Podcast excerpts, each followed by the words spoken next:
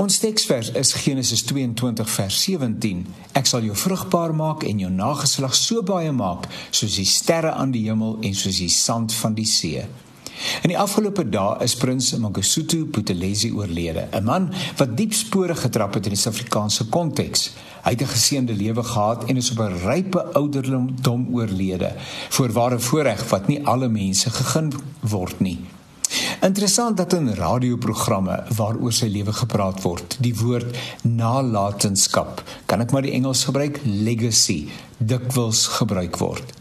Wanneer 'n mens die tydelike met die ewige verwissel, is die vraag wat onwillekeurig op die tafel kom: Watter verskil het hierdie man, hierdie vrou se lewe gemaak? Wat los hy of sy agter?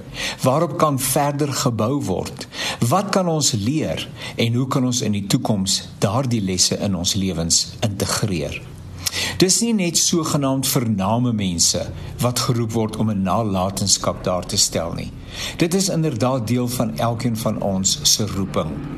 Een persoon se nalatenskap word in die geskiedenisboeke, wetenskap en mediese joernale en ander platforms aangeteken en gevier.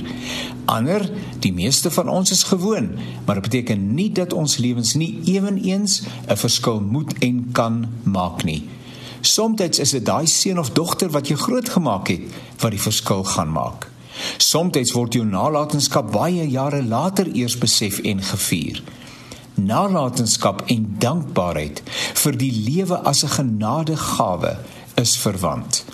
Is 'n dankbare mens wat iets nalat.